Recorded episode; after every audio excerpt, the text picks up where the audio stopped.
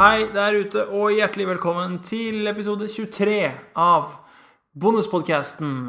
Podkast om fantasy-eliteserien i fotball. Som du sikkert har lagt merke til når du lasta ned eh, denne podkasten, så heter dagens episode Alene. Og det er fordi eh, jeg sitter her eh, helt alene. Helt alene Olsen, si. Da, det blir vanskelig med de vitsene når man, når man er alene. Um, verken Erik, Petter eller Trond David eh, er her i dag. Um, Erik og, og, Petter er jo som kjent uh, Vålerenga-supportere og har, uh, har, sagt at de ikke kommer tilbake før uh, før det er en bedring da, på, nå på Valle.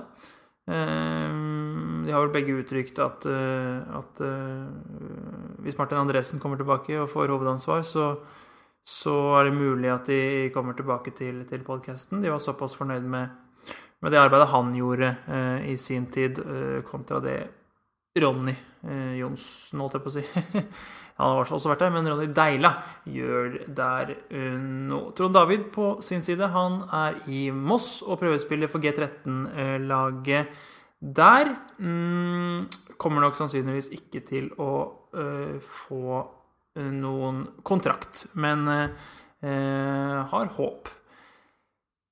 Så det blir altså ingen uh, ordentlig episode i dag. Jeg tenkte egentlig bare å spille dette for å si at uh, vi kommer tilbake neste uke med en, en rykende fersk episode, da også med litt innhold. Altså ikke bare jeg som, som prater. Spiller en raff jingle til slutt. Ønsker alle en strålende fantasy-helg.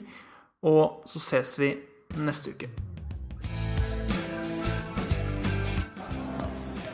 Hei, det er uh, Thomas Myhre. Roar Stokke. Birger Meling. Yasaid. Morten Østad. Jeg heter Sven. Ja, jeg heter Tete. Eh, vi lager et program som heter Heibotball. Vi er veldig glad for at du nå hører på Bonuspodkasten. Bonuspodkasten. Bonuspodkasten. Bonuspodkasten. Bonuspodkasten. Bonuspodkasten.